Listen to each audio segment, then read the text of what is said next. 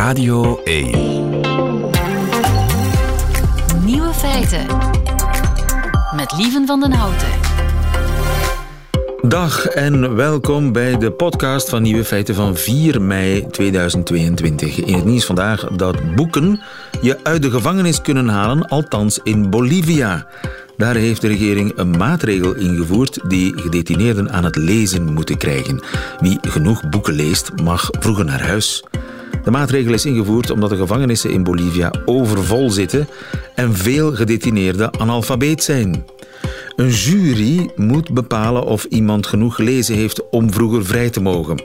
En dat kan enkele weken voor een oorspronkelijke vrijlatingsdag zijn, maar het kan in slechtste geval ook een paar uur vroeger dan voorzien. Heb je daar dan Ulysses voor zitten lezen? De andere nieuwe feiten vandaag. Opvallend veel strategische gebouwen die vliegen in brand in Rusland. Niemand weet wie die branden heeft aangestoken. Porno heeft op vrouwen een tegenovergesteld effect dan op mannen. En kinderen die thuis dialect spreken, die leren makkelijker lezen en spellen op school. Nog meer nieuwe feiten in de woensdagquiz en Johan Terrein die sluit af met zijn middagjournaal. Veel plezier. Nieuwe feiten. Kinderen die thuis Limburgs spreken, of kallen moet ik eigenlijk zeggen, want Limburgs dat kal je naar het schijnt, die hebben op school een voorsprong. Inderdaad, want ze zijn beter in spelling en in begrijpend lezen. Zo blijkt uit onderzoek van Leonie Kornips. Goedemiddag, Leonie. Goedemiddag. U bent eh, professor taalvariatie en sociolinguïstiek aan het Meertens Instituut en ook aan de Universiteit van Maastricht. Ja, dat klopt. U heeft deze kwestie onderzocht. Het is een lange termijn studie. De evolutie van de schoolcijfers bij 900 leerlingen tussen hun achtste en hun twaalfde jaar. Om te kijken of er een verschil Ja. was tussen kinderen die thuis Nederlands spreken en kinderen die thuis Limburgs spreken. En met Limburgs, daarmee bedoelt u dit. En daar hoef je dus ook geen Uber-Limburger voor te zien, zullen we maar zeggen. Die alleen van Flyheld en het Limburgs volkslied uit de kop kent. Meer als de helft van de Limburgse jeugd appt in het Limburgs. En dat is gewoon handig, zeggen ze. Ja, dat is dan weer een andere kwestie in welke taal ze appen. Maar in ieder geval, zo klinkt het eh, Limburgs. Ik kan het nog redelijk verstaan, dus ik denk dat het nog Limburgser kan klinken. En je zou dan verwachten als mensen zo, als kinderen zo praten thuis, ja, dat ze een achterstand hebben op school. Ja, dat is eh, de gedachte die eh, bij velen leeft. We hebben dit onderzoek gedaan met vier man. En met z'n vieren hebben we ehm, gekeken naar eh, de CITO-scores van de kinderen. CITO-scores, dat zijn En- scores die algemeen gelden voor de, de hele populatie, zeg maar. Dat is een, een, een ja, dat klopt. dat voor Eh, die. CITO-scores die zijn gestandaardiseerd voor heel Nederland. Ja. Oké, naar de Dus de CITO-scores hebben jullie gekeken van, van, van kinderen van, van acht. Ja, we hebben kinderen onderzocht in groep 4. Eh, en groep 4 in Nederland, dat zijn kinderen die in de leeftijd zitten van acht jaar, zeg maar. Twe- tweede leerjaar is dat in Vlaanderen. Ja, en die hebben wij eh, gevolgd naar groep 6. En daar hebben we ze opnieuw eh, hun CITO-scores bekeken. En dan zijn ze ongeveer 12 jaar oud. En, dat is wel interessant om te zien of er een verschil is tussen ehm, kinderen die thuis dialect praten en kinderen die thuis Nederlands praten. Ja, absoluut. Dus in, in groep 4 ja. Dus de dialectsprekende kinderen scoren beter of hoger op de CITO-scores voor begrijpend lezen en in het Nederlands en voorspelling in het Nederlands dan de eentalige kinderen. Dus dat is bij die achtjarigen, dat ze beter spellen en beter kunnen Ja. lezen, begrijpend lezen. Kinderen die Ja, eh, thuis dialect spreken. En geldt dat ook voor de twaalfjarigen, voor de, de, de oudere Nee, groep? Nee, op het moment, eh, dat geldt alleen voor op, op het moment dat ze acht jaar oud zijn. Wanneer zij, want we hebben dus dezelfde kinderen getoetst. Uh, naar een toetsing uh, gekeken wanneer zij in groep 8 zitten. En dan is het verschil volledig verdwenen. Okay. Dus dan zijn de eentalige en de dialect sprekende kinderen scoren even hoog of evenveel. Maar je zou, je zou dus eigenlijk het tegendeel verwachten. Namelijk dat kinderen die thuis dialect spreken, dat die een achterstand hebben voor taal. Ja, ja, dat is vaak de gedachte, maar in dit geval is het precies omgekeerd. Um, en uh, ik, ik ben dus ook behoorlijk de literatuur ingedoken om te kijken hoe we dit kunnen verklaren. We horen steeds meer uit onderzoek dat juist meertalige kinderen veel meer baat hebben van een thuistaal dan eentalige kinderen in het leren van de dominante taal, zoals in dit geval het Nederlands. Maar dat is dan voor en, echt tweetalige hier... kinderen, kinderen die bijvoorbeeld uh, half in het uh, Pools en half in het Nederlands worden ja. opgevoed.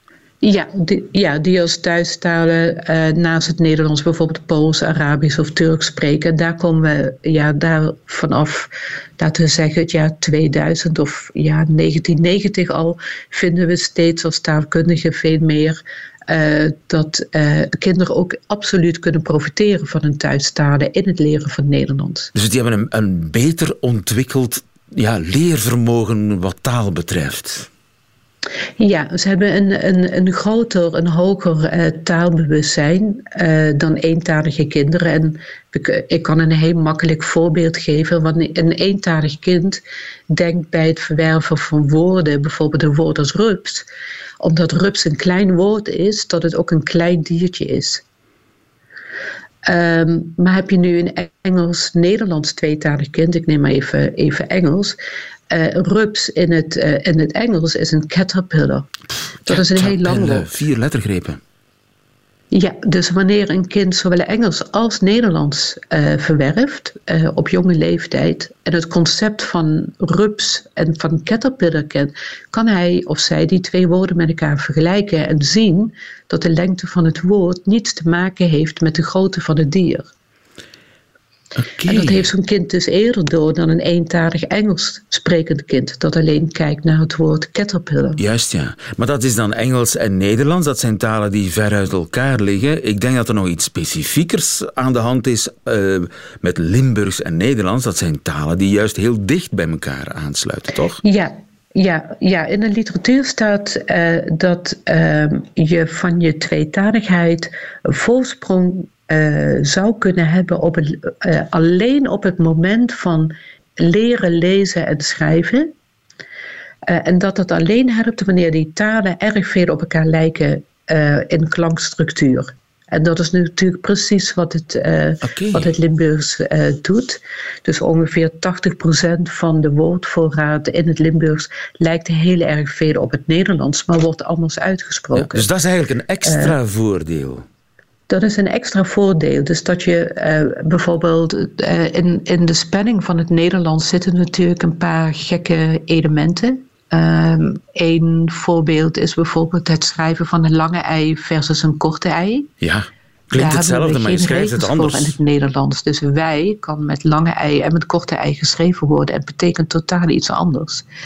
Nou, voor de meeste delen, voor de, voor de kinderen die dialect spreken en de meeste dialecten in het Nederlands Limburg, uh, daarvan wordt de lange ei uitgesproken als een i.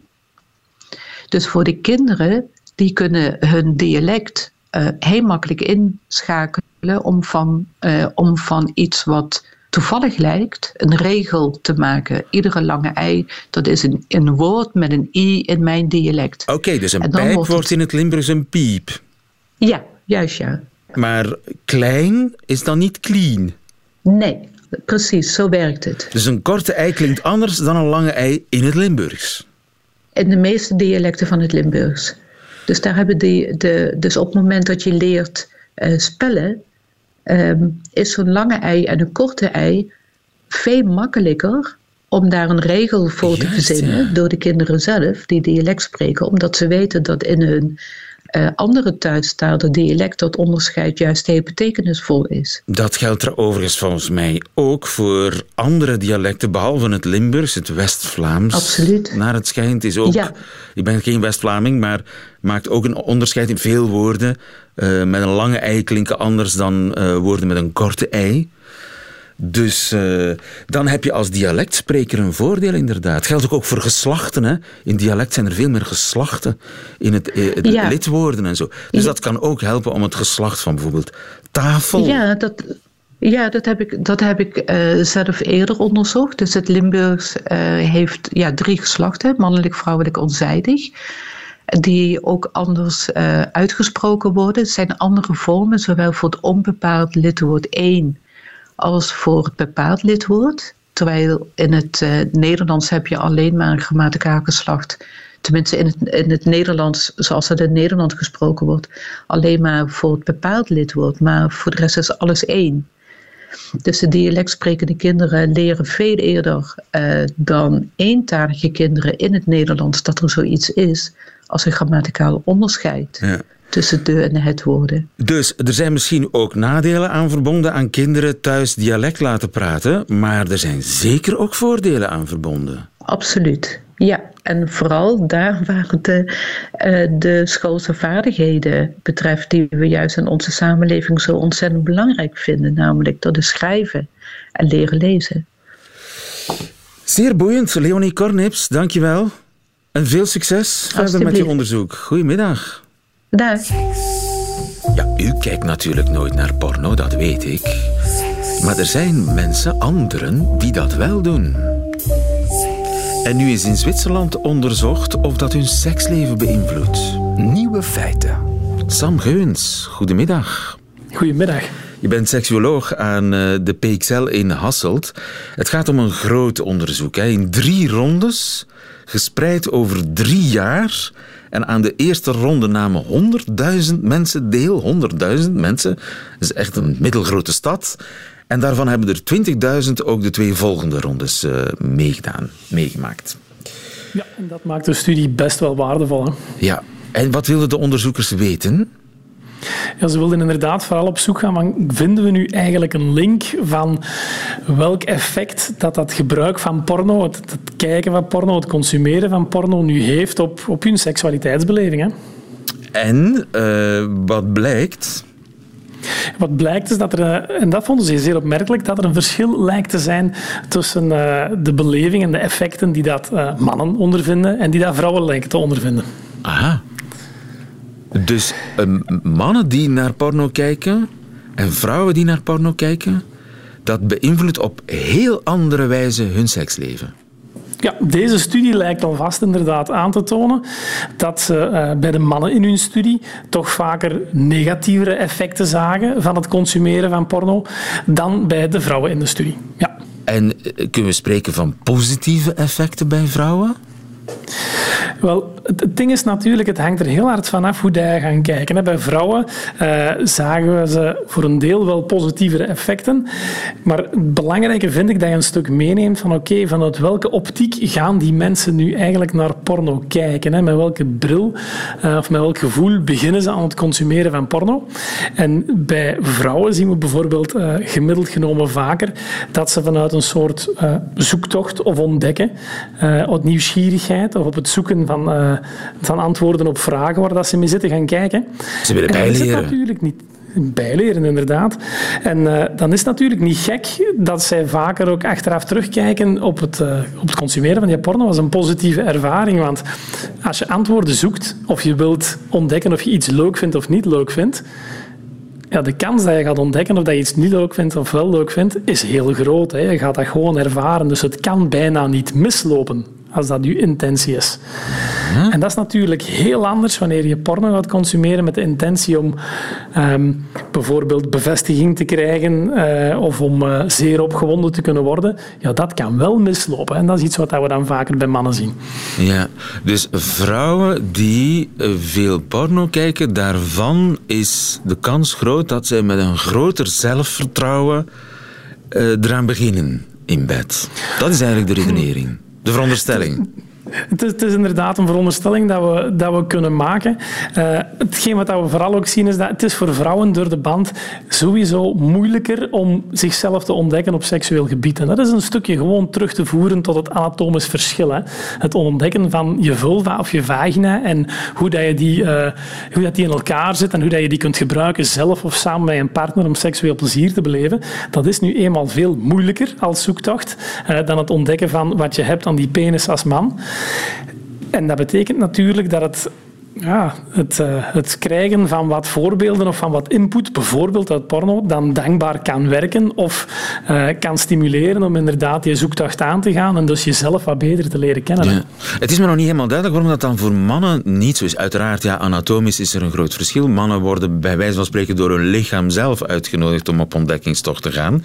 Maar het is toch best mogelijk dat zo'n man na het bekijken van een pornofilm ook zegt, weer wat geleerd. Ja, zeker. Hè. En die effecten hebben we daar ook. Hè. Mannen kunnen daar zeker en vast ook iets van oppikken.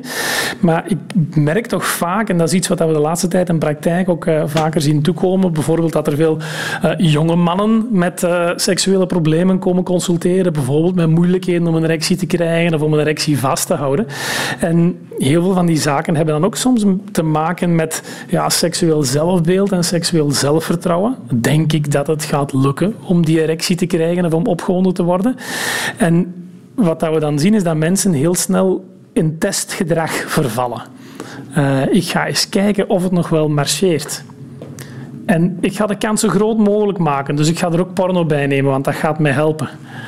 Maar natuurlijk, hè, ik hoef er geen tekening bij te maken. Als je al denkt van het gaat misschien niet lukken, wordt de kans veel groter dat het ook effectief niet lukt. En dan gaan we al snel nadenken van hoe komt dat nu dat dat niet lukte? Ik had er toch porno bij gepakt. Maar misschien is het net de schuld van de porno. En dan zitten we ondertussen op het punt dat uh, een jongere generatie, maar ook, ook mensen uh, van 30 en 40 en 50 jaar oud, de reflex hebben ontwikkeld van op internet gaan te zoeken wat is dat nu eigenlijk, die porno? En, en is er misschien een, eh, een, link met het feit dat ik hier moeilijkheden heb op seksueel gebied? En als je gaat googlen, vind je snel de heel wetenschappelijk ja, ja. websites die je overtuigen van het feit dat het misschien wel eens de porno is die de problemen aan het veroorzaken dat is. Het is een populair misverstand dat porno erectiestoornissen veroorzaakt. En dat gaat zichzelf uh, ja, vervullen. Ja die voorspelling. Dat gaat inderdaad een soort van self-fulfilling prophecy worden als we niet, uh, niet oppassen. En nu, als ik, als ik heel eerlijk ben, het ontbreekt nog aan heel vele objectieve wetenschappelijke data of dat porno nu effectief problemen kan veroorzaken, ja of nee. We weten dat nog niet genoeg. Uh, we hopen ook binnenkort in Vlaanderen uh, aan een grote studie te kunnen beginnen om dat een keer echt uit te klaren van porno kijken en porno consumeren, heeft dat nu een positief of een negatief effect ja. op ons seksueel welbevinden? In Zwitserland ook hadden ze het over een link. Hè. Ze hadden het niet over een kausaal verband. Dus het zou ja. kunnen dat hele avontuurlijke vrouwen vaker geneigd zijn om porno op te zoeken. En mannen met een gering zelfvertrouwen ook vaker geneigd zijn om porno op te zoeken. Ja, dus dan, dan is er geen sprake van een kausaal verband. Nu, ik kan me wel voorstellen dat je als man ja, uh, in, in porno wordt hij meestal afgebeeld als de, de atleet, de superman. Ja, mm -hmm. dat, dat, dat niet bepaald uh, gunstig is voor het zelfvertrouwen. Nee, en, en ik denk wat dat, dat betreft dat we uh, eigenlijk met een populatie jonge mensen zitten die dat porno beginnen te consumeren, terwijl ze al twijfels hebben over hun lichaamsbeeld en hun zelfbeeld. Hè. Denk aan de trends van de laatste 10, 15 jaar van de jongeren die dat in sportclubben douchen met zwembroeken aan of in hun boxershort. Uh, ja, je gaat niet veel andere penissen dan die van jezelf gezien hebben. Uh, dus waar ziet je die ja. eerste andere penisexemplaren waar je mee vergelijkt? Als dat dan in porno is, ja, dan kan gaat je inderdaad heel snel denken, ai. uh, terwijl dat je daar natuurlijk exemplaren te zien krijgt die dat uh, helemaal aan het andere Zorgvuldig geselecteerd zijn. ja, inderdaad. Um, maar goed. En het, het, ding is, ik denk dat we positief mogen zijn over het feit dat ons jongeren de dag van vandaag wel weten dat heel veel dingen die ze aangeboden krijgen op tv, op internet, eigenlijk niet realistisch zijn. Maar dat is, een, dat is een redenering van iemand die helder kan nadenken. Iemand die dat al vanuit een gebrek aan zelfzekerheid en met een geladen gevoel begint te kijken, die denkt niet meer helder na. En die ziet een grote penis en die denkt, ai, dat heb ik niet. Ja. Dus de resultaten van dat onderzoek in Zwitserland verbazen jou geen zins? Nee, nee. En tegelijkertijd vind ik het fantastisch dat jij direct zelf ook zegt van wat dat we nodig hebben, zijn studies die ons wel degelijk iets kunnen leren over dat kausaal verband. Hè. Hoe zitten die linken nu echt in elkaar? Is er een verband? Ja. Maar in welke richting en hoe speelt dat? We weten daar nog veel te weinig over. Ja, en wie weet wordt daar verder onderzoek naar gedaan. Als dat zo is, dan uh, krijgt u die resultaten natuurlijk onmiddellijk in Nieuwe Feiten. Sam Geuwens in Hasselt voor ons. Dankjewel. Goedemiddag. Graag gedaan.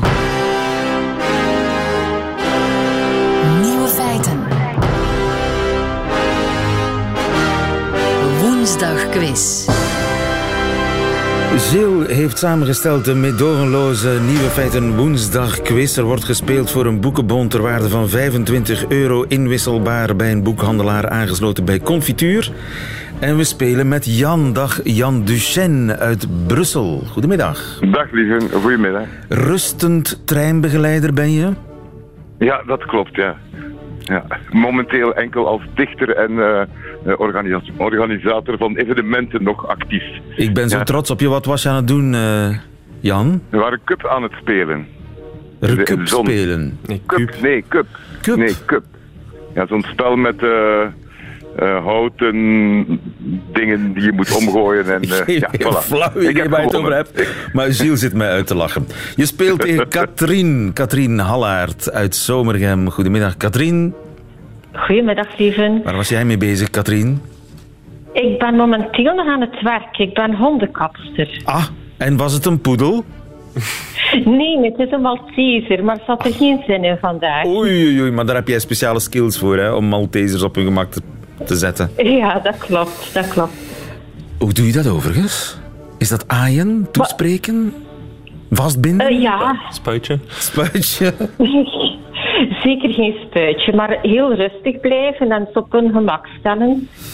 En soms een keer vastleggen, maar Meestal lukt dat wel zonder. Alleen als het strikt noodzakelijk is. Ik ga jullie kennis testen van vier nieuwe feiten. Ik begin met Jan, die zich eerst heeft gemeld. Zolang hij juist antwoordt, blijft hij aan de beurt. Bij een fout antwoord gaat die beurt naar Katrien. En wie het laatste nieuwe feit goed kent, die wint deze quiz. Vraag 1 is voor Jan. Wat hebben Japanse onderzoekers uitgevonden om ons minder zout te doen eten? Is dat A, een implantaat dat elektroschokken toedient wanneer er te veel zout in je mond gaat?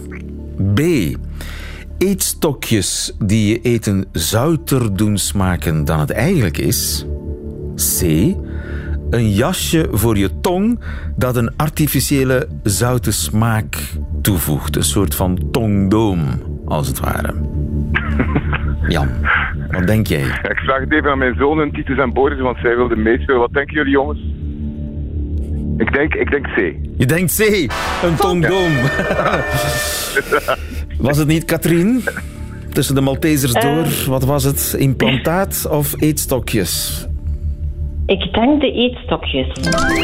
Dat is helemaal goed. Gilles? Ja, die stokjes die produceren eigenlijk ook een, een zeer zachte elektrische stroom en die stimuleren daarmee je smaakpapillen. Dus wanneer je dan met die stokjes eet, dan worden je smaakpapillen gestimuleerd en denk je dus dat het zouter is, het eten, dan dat het werkelijk is. Ongeveer anderhalve keer zo zout zelfs. Dus eetstokjes die je smaakpapillen uh, misleiden, als het ware. Je hm. denkt het smaakt zout, het ja. is het eigenlijk niet. Inderdaad. Uitgevonden in Japan. Katrien, vraag 2 is voor jou. Wat kunnen nieuwe speciale straatklinkers, stenen dus, in Rotterdam. Wat kunnen die? A.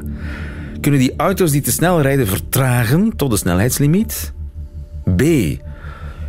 Hondendrollen absorberen tot ze volledig verdwenen zijn? C. Geluid absorberen en geluidsoverlast tegengaan. A, B of C? Ik denk C. Dat is helemaal goed vol zelfvertrouwen zijn. Wist je het, Katrien? Had je het ergens gelezen? Nee, maar het klinkt wel logisch.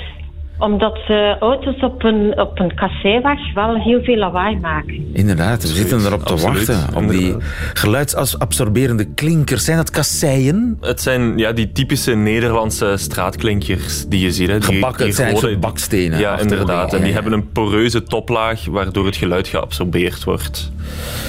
Goed geantwoord, Katrien. Vraag 3 is ook voor jou. Over welk wapen beschikten de kruisvaarders volgens nieuw onderzoek?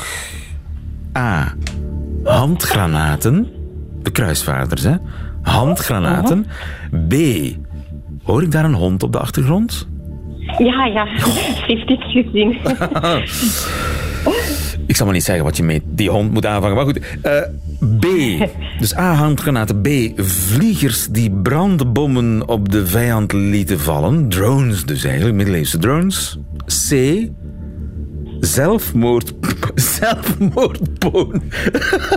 Zelfmoordponies, ja, wie weet. Die waren uitgerust met bommen en zich opbliezen bij de vijand. Een zelfmoord Malteser was ook een idee geweest. Maar een zelfmoordpony, eh, vliegers met brandbommen of handgranaten. Wat denk je, Katrien? Dus een gokje B. Fout. Terug naar onze rustende treinbegeleider Jan. Eh, wat is het volgens jou? Mijn zonen zeggen A. Dat is helemaal goed. Er worden Goed zo. uit de tijd van de kruisvaarders heel veel stenen kruikjes gevonden. Men dacht dat dat voor olie was en zo om die te stockeren. Maar nu blijkt dus dat een heel groot deel daarvan ook explosief materiaal bevatte. En dat die kruisvaarder dus alles graag met een bommetje gooide. Dus al de, de kruisvaarders hadden al eh, handgranaten. Vraag 4, de cruciale slotvraag. Jan is voor jou. Wat ligt er dankzij zeegras begraven in de zeebodem? Is dat plastic afval dat door het gras onder de zeebodem werd geduwd? B. Is dat 32 miljard cola-blikjes aan suiker? C. De botten van zeedinosaurussen die in zeegras verstrengeld werden en verdronken. Denken jullie? Ik zou zeggen B. Je denkt B. Dat is helemaal Ja. goed. Wauw. En dat betekent dat, dat wij een winnaar hebben.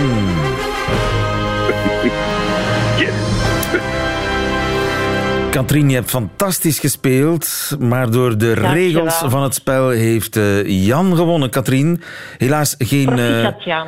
Voilà, sportief ben je, Katrien Hallaert. Het, eh, terug naar de Malteser, die half gekapt, eh, vastgebonden op een stoel in Zomergem ligt. Jan, eh, gefeliciteerd, want eh, inderdaad, Gilles... Mhm. Zeegras stopt suiker in de grond. Door fotosynthese, ze zetten dus koolstof om in suikers en steken dat in de grond. En nu hebben ze dus berekend dat dat eh, 32 miljard cola-blikjes aan suiker in de zeebodem ligt. 25 euro aan boekenbonnen. Eh, helaas geen 32 miljard, eh, maar 25 Fantastisch. euro. Heb je al enig idee, Jan, welk boek je gaat kopen voor je Het 25 wordt, euro? het wordt een strip voor de tweeling, ofwel toch de trompetten van Tutankhamon, de nieuwe eh dichtbundel van Andy Vierens. Ja. Andy Vierens, uitstekende keuze. Jan Duchesne, nogmaals Ja. gefeliciteerd. Ja. En volgende week is er weer een woensdagquiz.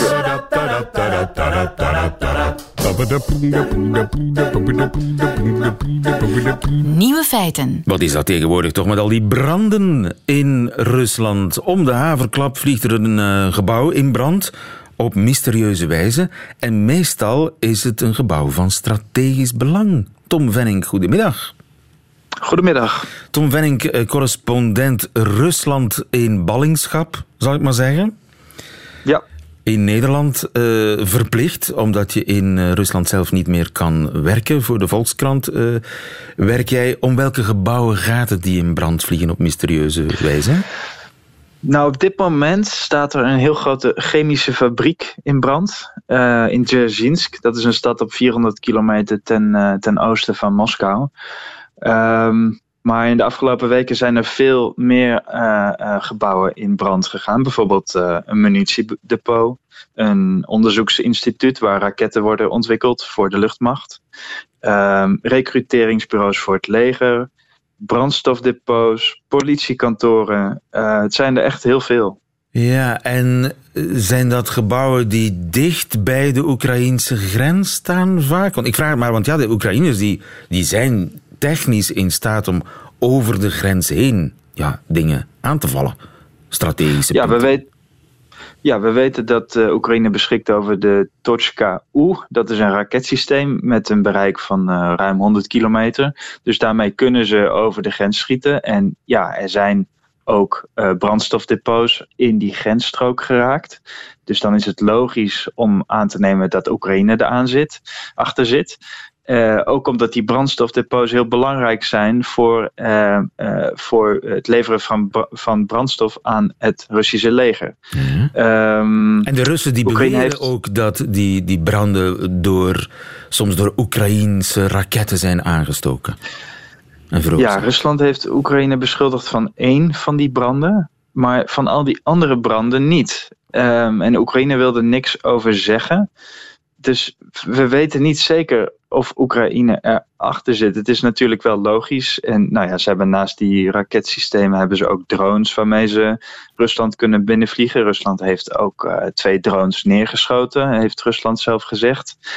Ehm, maar ja, zeker weten, dat, dat, ja, dat doen we niet. Maar het zou kunnen dat ook eh, ja, strategische gebouwen die veel verder van die eh, Oekraïns-Russische grens liggen, dat die toch door, door Oekraïners kunnen worden aangestoken. Dat kan, technisch. Ja, dat, dat, dat, kan natuurlijk. Eh, we weten dat er heel veel Oekraïners in Rusland wonen. Dat komt natuurlijk door de lange, lange geschiedenis tussen die twee landen.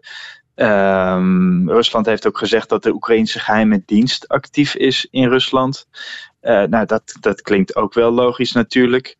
Ehm, en Rusland heeft vorige week ook eh, een groep terroristen eh, aangehouden, zoals ze zelf zeggen. Ehm, en die terroristen, dat zouden Oekraïners zijn die een aanslag wilden plegen op, de, op een bekende presentator van de Russische staatstelevisie. Ehm, dus het is wel logisch om aan te nemen dat er, eh, dat, dat er, dat er eh, Oekraïners in Rusland zijn die de oorlog van Rusland proberen tegen te werken. Ja. Nu, zou het ook kunnen dat het Russen zelf zijn die tegen de oorlog zijn? Het is misschien een stille hoop die, die wij koesteren. Dat er stil aan, aan de Russische zijde toch ook zoiets als een tegenstem, een tegenactie op gang komt. Mhm. Ja, ja, en bij een aantal van die branden is dat, zou dat wel logisch zijn. Omdat er best veel, eh, vijf inmiddels al, vijf recruteringsbureaus van het leger eh, in brand zijn gevlogen. Dat zijn plekken waar eh, jonge Russen eh, ehm, eh, ehm, in het leger worden eh, gehaald. Ehm, en ja, veel mensen willen natuurlijk ja. niet. Verplicht, verplicht, want eh, in Rusland heb je dienstplicht. En het is ook eh, bekend dat dienstplichtigen eh, ingezet zijn bij de oorlog. En er zijn natuurlijk heel veel Russen die niet willen dat hun zoon ehm, naar Oekraïne gaat om daar te vechten. Dus zo kunnen ze die, ja, kunnen ze toch proberen om hun zoon uit het leger te houden. Ja.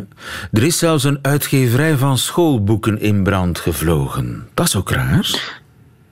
Ja, dat was eh, begin deze week. Gisteren was dat. Een heel grote eh, uitgeverij. De grootste uitgeverij van schoolboeken van, eh, van Rusland. En ehm, daar werden boeken gezuiverd van ongepaste verwijzingen naar Oekraïne. Wat is een dus ongepaste verwijzing naar Oekraïne? Het afdrukken van de Oekraïnse vlag. Dat is ongepast. Ehm, dat is ongepast. Het noemen van Kiev als de hoofdstad van Oekraïne, dat mag, eh, dat mag ook niet. Eh, Oekraïne mag alleen nog worden genoemd als eh, ja, deel van de Sovjet-Unie en als het bevrijde gebied ehm, in de oorlog tegen Nazi-Duitsland. Maar ja, de uitgeverijen mogen Oekraïne niet meer ehm, neerzetten als onafhankelijk land. En die mensen die die schoolboeken maken, die pikken dat. Ik, vind dat, ik blijf dat raar vinden dat je met enige beroepstrots dat toch dan maar slaafs uitvoert. Dat dictaat. Ja, dat hoort, dat hoort wel een beetje bij, bij Rusland. Ehm, zo worden Russen opgevoed eh, met eh, ja, respect voor het gezag.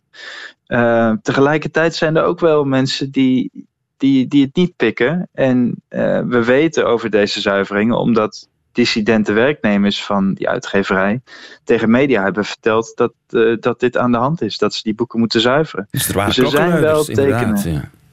Ja, ja, dus er zijn wel tekenen van, van verzet. Ja. In ieder geval, we weten niet hoe die uitgeverij in brand is kunnen vliegen. Nee, dat weten we niet zeker. Nee, nee. Maar we weten wel dat die, die zuivering die, eh, daar plaats moest vinden. En dat er mensen waren Ja. die daar tegen waren. Binnen die uitgeverij. Dat weten we ook. Zeker. Dat weten we ook, ja. Nu, we zullen het nooit weten, denken, want de Russen zelf, eh, als, als het zo zou zijn, zullen dat eh, ten alle prijzen vermijden om dat bekend te maken. Ja, Rusland wil natuurlijk niet uh, overkomen als een uh, heel kwetsbaar land. Um, maar we weten dat Rusland de offensieve capaciteiten van Oekraïne al, al uh, heeft onderschat. Want vorige maand is Oekraïne er ook in geslaagd om, om de Moskwa, dat vlaggenschip van de Zwarte Zeevloot, tot zinken te brengen. En nu zijn er al deze branden. Dus het lijkt er wel op dat Oekraïne veel sterker is dan, dan Rusland had verwacht. Ja, ofwel zitten er Oekraïners achter, ofwel zitten er Russen achter die het niet eens zijn met Poetins speciale militaire operatie. Dat weten we nog niet. Hoe dan ook, hoe dan ook er zijn opvallend veel branden uh, in gebouwen van strategisch belang de voorbije dagen, weken in Rusland. Tom Venning, dankjewel. Goedemiddag. Goedemiddag. Nieuwe feiten. En dat waren ze, de nieuwe feiten van vandaag, 4 mei 2022. Alleen nog die van Johan Terrein nu in zijn middagjournaal. Nieuwe feiten. Middagjournaal. Beste luisteraar. Ik schrok mezelf een ongeluk waarvoor ik, denk ik, niet verzekerd ben. Ik ontdekte deze week dat ik geciteerd word in de Dikke Vandalen. Zelf heb ik hier een oud driedelig exemplaar staan dat ik nog overhoud aan een deelname aan de quiz voor taal en waar ik voorlopig trouw aan blijf en waarin niks of niemand geciteerd wordt. Maar er verscheen een goede maand geleden een nieuwe versie van het grootwoordenboek der Nederlandse taal, die dikker, warmer, Vlaamser en geestiger is. En daarvoor gebruikt men bij iets wat saaiere trefwoorden een iets wat geestig citaat. Deze week ontdekte ik dus dat ik zelf in dit heilig schrift voor taalgebruikers geciteerd word met een zin die ik hier op deze plek langs de neusweg uitsprak en wel op 18 maart 2021 en die luidt als volgt. Een echte mierenneuker kan zelfs in een gsm-nummer een dt-fout ontdekken. U hoort het, beste luisteraar. Ik wou iets over de aard van de echte mierenneuker vertellen. Door hem of haar onmiskenbare kwaliteiten toe te dichten om zelfs fouten te vinden waar ze niet kunnen bestaan. Maar uiteindelijk dient mijn citaat dus helaas om het iets wat saaie lemma dt-fout op te leuken. Ik hou niet van dt-fouten. Het is alsof je een krasje ziet op het koetswerk van je gloednieuwe wagen. Je kan nooit meer instappen zonder te denken: hier stond ooit een kras. Maar ik geef grif toe, ik maak ze ook zelf af en toe uit onoplettendheid en ik heb dus een nog grotere hekel aan mierenneukers. Ik richt me dus graag aan de persoon die voor de dikke vandalen dagenlang van 9 tot 5 aan de radio gekluisterd zit, een schriftje ter hand en zinnetjes noteert die de vandalen warmer, Vlaamser en geestiger kunnen maken met de vraag of het citaat alsnog verplaatst kan worden naar het lemma mierenneuker. Of ben ik nu zelf aan het mierenneuken? In elk geval stelt zich de vraag: wat nu? Niets kan ik hier nog zeggen om dit te evenaren. Elke zin die ik nu uitspreek valt in het niets bij het door de dikke uitverkoren zinnetje over de DT-fout, dat dus eigenlijk over de mierenneuker gaat. Sorry dat ik het moet zeggen. En dan ben ik dus tegelijk bang dat dit zinnetje, sorry dat ik het moet zeggen, in de volgende editie van de dikke terechtkomt bij het trefwoord sorry, of erger nog, bij het trefwoord mierenneuker. Sorry dat ik het moet zeggen.